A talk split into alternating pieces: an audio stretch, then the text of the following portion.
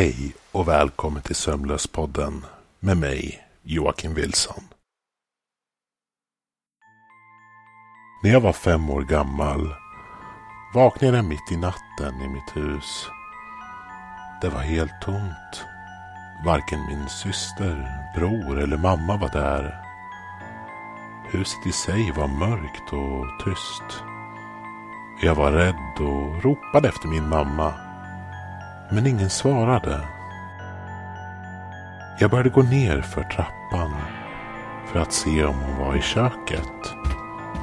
Sekunder efter så stod jag barfota, iklädd bara pyjamas.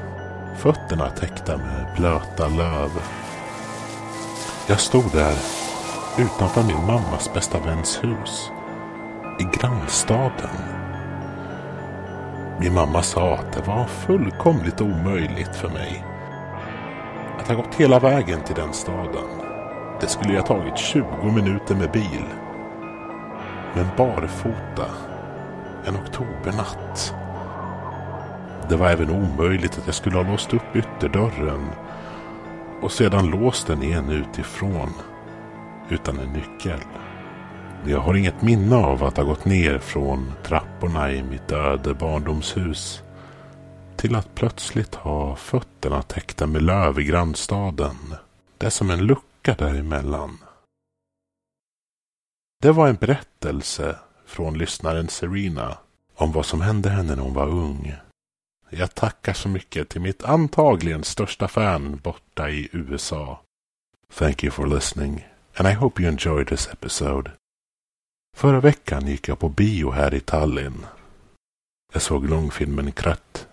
En estnisk långfilm om en varelse som eh, mindre skickliga bönder frammanade för att bringa otur till bondgårdar i närheten och ge deras egen gård en perfekt skörd. Vad som behövs för att frambringa kratten är enligt legenden tre droppar blod från en människa. Detta tillkallar djävulen som man gör ett avtal med. Historierna om kratten slutar oftast i misär för den eh, undermålige bonden och ska tjäna som en läxa. Att jobba hårt lönar sig. Eller att helt enkelt inte göra ett avtal med djävulen. Jag börjar leta efter historier om kratten och även andra estniska legender som kan berättas lite längre fram i podden. Så fortsätt lyssna vidare och håll öron och ögon öppna om du tycker att det låter intressant.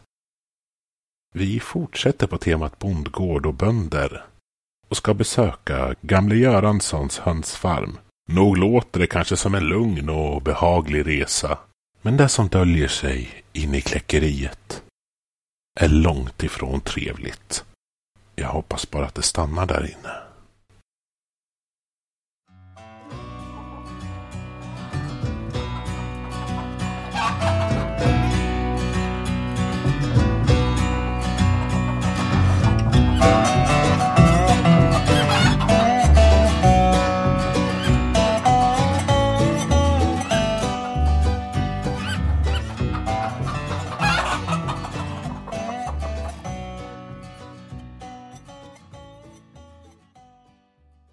Jag hade varit arbetslös i månader när jag fick veta av en bekant utanför Västerås att bonden Göransson behövde någon som hjälpte honom på gården. Det var en hönsfarm med ett eh, kläckeri. För att vara ärlig såg jag inte fram emot det. Jag hade aldrig föreställt mig att jobba på en gård och hade hela mitt liv bott i centrala Västerås och arbetat på olika livsmedelsaffärer. Det fanns också en hel del rykten om bonden Göransson från folket i trakten. Det sades att han var en excentrisk och strikt man. Att det krävdes ständigt arbete ute på gården. Det fanns inte tid för någon vila. Under de senaste åren hade han haft ett dussin anställda och ingen hade hållit ut särskilt länge. Vad som var ännu märkligare var att samtliga av dessa vägrade att prata om sina erfarenheter på gården eller ens säga ett ord om bonden Göransson. Men jag hade slut på alternativ. Jag behövde ett arbete. Och snabbt. Och gamle Göranssons hönsfarm verkade vara det enda som var tillgängligt just nu med mina tidigare erfarenheter. Jag visste att Göransson inte var en modern bonde. Allt sköttes på gammeldags vis. Ingen modern teknik eller maskiner. När jag körde min bil längs landsvägen förstod jag snabbt varför han kallade sitt kläckeri för sin eh, stolthet. Det som antagligen började som ett litet hus med en lagård hade förvandlats till en imponerande anläggning med tusentals kycklingar och höns. I samma ögonblick som jag parkerade min bil stod gubben redan där och väntade på mig. Jag var nervös när jag klev ur bilen och Göranssons undersökande blick och den rynkande pannan hjälpte inte. När han visade mig runt på gården så verkade han dock bli på lite bättre humör. Han traskade runt på ett hemmakärt sätt. Göransson var enkling. Trädgården som hans avlidne fru hade drivit var vissen och full med knastriga höstlöv. Åkrarna han hade i sin ägo användes enbart för hönsfoder.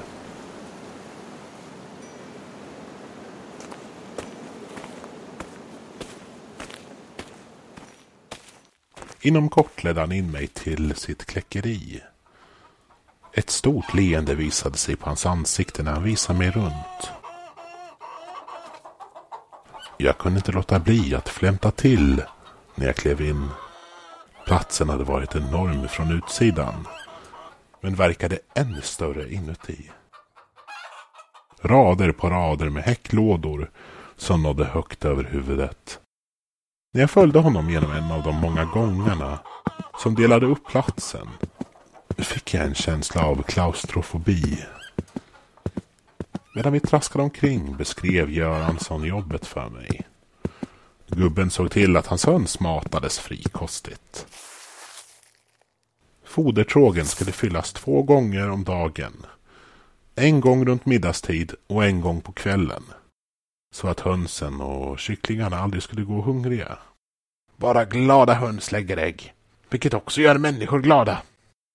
Efter det fortsatte han att förklara hur saker och ting skulle skötas. Han berättade hur han blandade ihop de olika ingredienserna i sitt hönsfoder.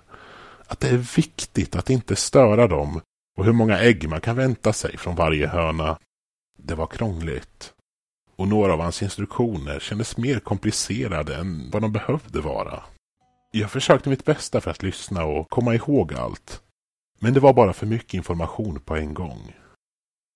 Snart verkade gubben inse det själv. Han suckade, gav mig en klapp på axeln och sa. Ja, du får snart kläm på det. Jag svarade. Ja, jag hoppas det. Jag ska verkligen göra mitt allra bästa. De första dagarna följde jag efter Göransson för att se hur saker och ting gick till. Men jag förstod snabbt varför gubben behövde hjälp runt gården. Mer än en gång såg jag honom stöna när han tog upp en säck med hönsfoder. Och jag kunde se honom svettas och flämta när han fyllde trågen. Gamle Göransson började bli för gammal för jobbet. Under den andra veckan försäkrade jag Göransson om att jag kunde sköta saker och ting själv nu. Jag ångrade mitt beslut. Nästan omedelbart. Med gubben i närheten hade det inte varit annat än arbete. Hårt arbete. Men det gick ju fortfarande bra. Men på egen hand kändes platsen annorlunda. Större. Det var nästan desorienterande. Det fanns inget annat än häckhyllor och höns runt om mig.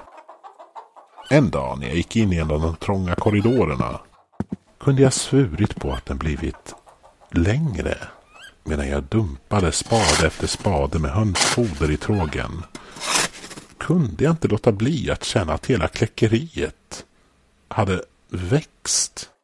Det kändes som att jag vandrade runt där i en evighet. Jag drev alltid bort tankarna med ett skratt. Kläckeriet var enormt. Men det var ju fortfarande bara en anläggning. Alla de konstiga tankarna och idéerna var inget annat än min hjärna som spelade spratt med mig. Eller kanske optiska illusioner. orsakade av vardagstristess. Men vid dessa tillfällen kändes det som att jag tappat allt sinne för tid och rum. Och arbetet tog lite för lång tid. Under hela veckan fortsatte dessa märkliga känslor. Jag försökte att inte tänka på det för mycket. Jag var ju ny på jobbet och inte helt van vid det fördömda kläckeriet ännu. När gubben frågade hur det gick sa jag till honom att det var mycket att tänka på, men att allt gick bra. Ibland när han satt där tyst och tittade på mig som att han väntade på att jag skulle berätta något. Kläckeriet var alltid som värst under kvällstimmarna. Efter att solen föll var golvet nästan helt öde och de flesta hönsen vilade. Ifrån sina viloplatser så stirrade de på mig med halvöppna ögon, betraktade mig som om jag var en inkräktare och att de bara väntade på rätt tillfälle att slå till. Jag kände mig malplacerad. På fredagskvällen när jag gick med skottkärran full av hönsfoder i den långa korridoren började jag plötsligt att kallsvettas. Jag tittade mot gången och kunde inte se ett slut. Jag blundade, kned ögonen och tittade igen. Men det enda jag kunde se var den långa raden höns som tycktes pågå för evigt. Jag kunde inte låta bli att skratta och skaka på huvudet. Det var bara att fortsätta jobba, dumpa resten av fodret och gå ut igen. Svårare än så var det ju inte.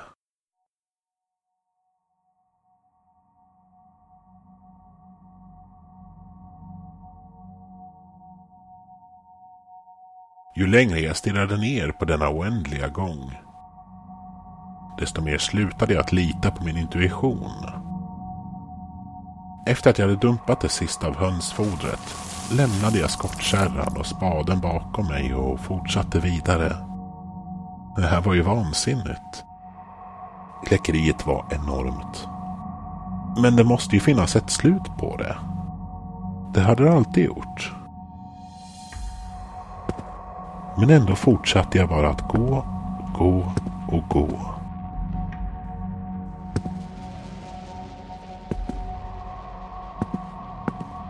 Efter långa minuter stannade jag igen. Även om detta var någon form av optisk illusion hade jag gått tillräckligt länge för att nå andra sidan av gården nu. Och ändå fortsatte gången bara. Jag ville bara vända och gå därifrån. Min magkänsla sa att någonting var så otroligt fel. I samma ögonblick som jag beslutade mig för att gå tillbaka var det samma sak. Inget slut i sikte. När jag tittade mig omkring var det bara hönsens stirrande, halvtomma ögon i sikte. Deras blickar var granskande, dömande. Som om hönsen registrerade varje rörelse, utvärderade och hånade mig för att jag gått vilse. Jag fortsatte att gå. Först gick jag i normal takt. Men ju längre gången fortsatte desto mer nervös blev jag. Jag sa till mig själv att jag bara behövde gå lite längre. Snart skulle jag vara framme. Men det fanns inget slut i sikte. Inga väggar. Ingenting. Den där jag såg var häckhyllorna fulla av höns. Jag började springa. Rusade förbi de få höns som fortfarande var ute och gick.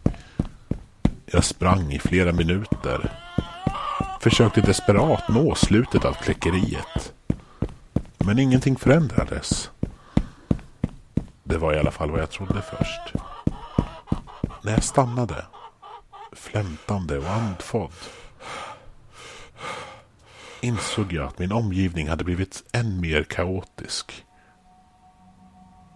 Till och med bisarr. Det som en gång hade varit rader med noggrant konstruerade häcklådor var nu inget annat än slumpmässiga staplar som mer liknade någonting som hade vuxit fram än konstruerats. Dessa besynnerliga konstruktioner växte sig högre, vandlades till skrämmande monstrositeter av omöjlig design, i spiraler i märkliga former. Dessa konstruktioner växte sig högre. Men när jag tittade uppåt kunde jag inte se taket längre. Där det en gång hade varit ett trätak var nu bara ett färglöst tomrum. Gången jag följt så länge började suddas ut också. Det var som att all känsla av ordning var borta. Jag var förvirrad, förbannad och rädd. Men mina fötter fortsatte att röra sig framåt och drog mig djupare in i denna galna, bisarra värld. Hönsen hade börjat se annorlunda ut nu. Vissa hade kroppar så uppsvällda att det såg ut som att de skulle spricka vilken sekund som helst. Andra var långa. Deras halsar skrapade längs golvet på ett obehagligt vis. Mer än en gång vände jag mig om och försökte fly från min ständigt försämrade omgivning. Men det spelade ingen roll vilken väg jag tog. Och jag kunde inte stanna på samma plats. Eftersom mer av dessa bisarra varelser samlades runt mig. Vid ett tillfälle rusade en hörna med flera huvuden och ben mot mig. Andra flög högt och surrade genom himlen med flera vingar bredare än vad som borde vara möjligt. Det absolut värsta jag såg var en kombination av en tusenfoting och en hörna. Bestående av inget annat än kroppar av deformerade hönor som slingrade sig runt en häckhylla. Hög som en skyskrapa. Jag såg den kravla uppåt innan den försvann ur sikte. Den måste ha varit närmare sex meter. På avstånd kunde jag se en deformerad höna. I samma storlek som en tjur. Vilandes på en bädd av fjädrar. När mina ögon hastigt gick från den ena mer omöjliga varelsen till den andra. Sa jag till mig själv att denna plats kunde bara inte existera. Det var helt enkelt omöjligt. Ett ljud som borde ha varit en fnysning undgick min mun. Jag hoppade till när jag insåg att det lät som en kluckande höna. Jag stannade. Granskade min kropp. Lyfte armarna och rörde vid mitt huvud. Letade febrilt efter fjädrar i oro för att jag förvandlats till någon slags hybrid mellan människa och höna. Men allt var normalt. Jag var fortfarande mig själv i detta vansinne. Jag blundade, sa till mig själv att vakna och komma ur denna mardröm. Med förhoppning att befinna mig tillbaka på gården, långt borta från kläckeriet. Den tittade igen. Hade ingenting förändrats. Jag var fortfarande här. I denna galna och absurda hönsvärld. Galenskapen förvandlades dock snart till terror när mina steg ledde förbi ett torn av häcklådor märkte jag rörelser från platsen. Jag stannade instinktivt och undrade vilken slags vriden, mardrömsaktig version av en hörna jag skulle se den här gången. Det var inte bara en deformerad höna. Det var en höna med mänskliga drag. Jag såg klor, fjädrar, som spirade från en tvåbent upprättstående kropp och ett huvud där det längst upp grodde en smutsig hängande tuppkam. Vingarna var inte så mycket till vingar utan mer som långa fjädertäckta armar med fingerliknande förlängningar höll den en tung hink. Det värsta var dock utan tvekan varelsens ansikte. Det var nästan mänskligt. Med undantag från dess tomma ögon och den gigantiska näbbliknande munnen som gjorde att huvudet lutade sig framåt av dess tyngd. Jag såg när varelsen hällde något blött och klibbigt från hinken i ett tråg framför den. En äcklig, sur stank nådde mina näsborrar och jag var tvungen att hålla för näsan.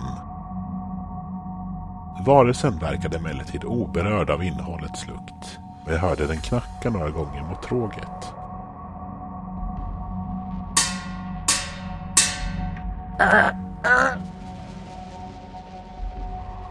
Dessa ljud var nästan ömma.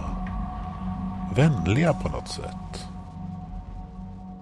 Bara några sekunder senare kom en bisarr samling av förvridna, fjädrade varelser ner mot tråget och kastade i sig innehållet från hinken. Jag drevs av en vansinnig nyfikenhet. Vad var det de åt? Jag klättrade upp på en häcklåda, nästan lika stor som en lada, för att komma närmre. Från min utsiktsplats kunde jag nu se innehållet. Det fodret var människokött. Och det var bara inte en köttig jordad massa. Utan fingrar, händer och fötter. När mina ögon vandrade tillbaka kunde jag höra hönsvarelserna som festade på det. Jag såg en konstig ormliknande varelse som hade sin väldiga näbb full av vad som förmodligen hade varit en hand tidigare. Jag kände mig svimfärdig och ramlade ner från den väldiga häcklådan. I det ögonblicket rörde sig något mot mig. Jag möttes av de tomma, stirrande ögonen från den hönsliknande varelsen. För att försvara mig själv kastade jag en mindre häcklåda i varelsens riktning. Jag började springa. Det spelade ingen roll i vilken riktning i detta kaos. Ljudet av mina steg fick flera varelser att vakna. Flyga runt, hoppa, springa eller dra sig fram. Snart sprang jag genom en virvelvind av fjädrar och förvridna kroppar. Jag kände vingar slå mot min kropp. Hur näbbar och klor skrapade över mina armar och ben. När jag fortsatte framåt. Mer än en gång var jag tvungen att brottas med något fjädrat mot min kropp. Jag visste inte var jag sprang. Visste inte hur länge. Men allt jag ville var att komma undan. Komma ur denna galna, overkliga plats. Jag fortsatte i det som kändes som timmar. Springande. Ända tills jag snubblade över ett tråg framför mig. Jag kämpade mig upp på fötter innan jag insåg var jag var. Runt omkring mig fanns noggrant konstruerade rader med höns som sov på bägge sidor och jag kunde se väggar och ett slut på kläckeriet. Jag sprang mot utgången. Fortsatte att springa. Tills jag la mig ner på en åker. Länge låg jag där. I chock och undrade vad som egentligen hade hänt. Kunde det ha varit en dröm? En hallucination? Men när jag väl tittade på mina armar fulla av sår, så förstod jag att det inte kunde vara fallet.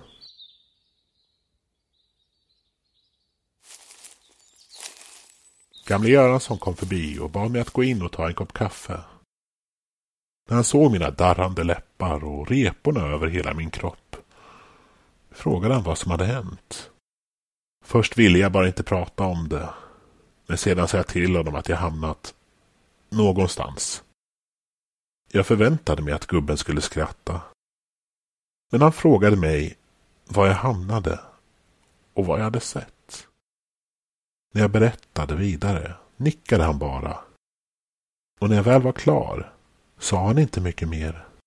Inte heller protesterade han när jag berättade att jag var färdig med att jobba på hans gård. Men ändå, när jag vände mig om för att kliva in i min bil och lämna gården för alltid fanns det en glimt i hans ögon. Jag har aldrig lyckats ta reda på vad det var. Det var som en dold hemlighet som skickade rysningar längs ryggraden.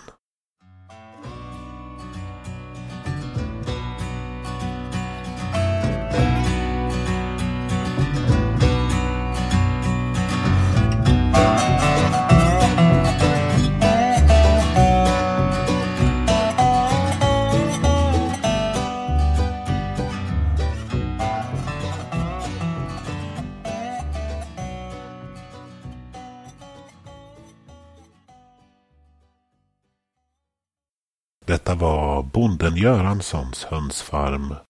Eller Old Thomas Hatchery i sin originaltitel av Reddit-användaren Ren Ryder. Nästa vecka är jag tillbaka med Spegelmannen.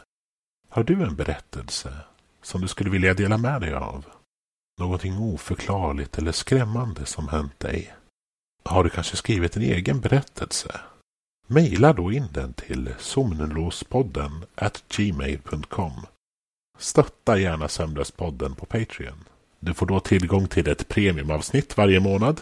Just nu finns Trollguiderna i Värmland och eh, jag köpte bantningspiller från Darkweb tillgängliga för patrons. Den minsta summan som behövs för premium är en dollar, vilket jag tror är ungefär sju kronor. Det kan jag väl vara värd. Sömnlöspodden är inspelad, klippt och berättad av mig, Joakim Wilson. Tack för att du lyssnat och välkommen åter.